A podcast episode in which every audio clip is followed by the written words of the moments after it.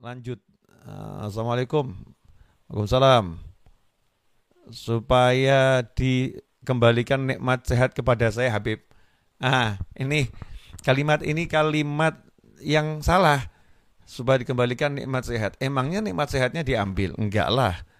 Ada sebagian tubuh kita yang merasa sakit. Sementara tubuh kita yang lain sehat. Bukan nikmat sehatnya dikembalikan, nikmat sehatnya ada Nah, mungkin di bagian tertentu berkurang. Nah, karena itu mari kita biasakan melihat nikmat sehat yang ada di diri kita.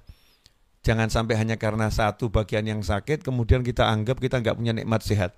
Nah, ini menjadi apa? Tanpa kita sadari, kita lagi kufur nikmat.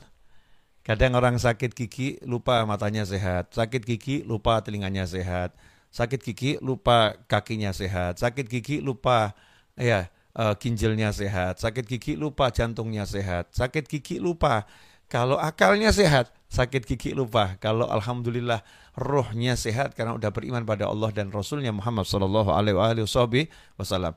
Lihatlah nikmat-nikmat yang ada pada diri kita uh, yang yang tidak mungkin bisa kita hitung. Maka hal-hal yang kurang enak itu dengan sendirinya akan lenyap. La in syakartum la azidannakum wa la in kafartum inna adzabi lasyadid. Kalau kalian syukur pasti aku tambah. Kalau kalian kufur, nikmat uh, dikufuri nikmat Allah Ta'ala, ingat, seksa Allah pedih. Nah kalau kita mensyukuri nikmat sehat yang ada di tubuh, sementara ada bagian tubuh yang sakit, yang lain, maka insya Allah uh, tubuh kita yang kurang sehat itu akan disehatkan oleh Allah Subhanahu wa Ta'ala. Nah, lanjutkan.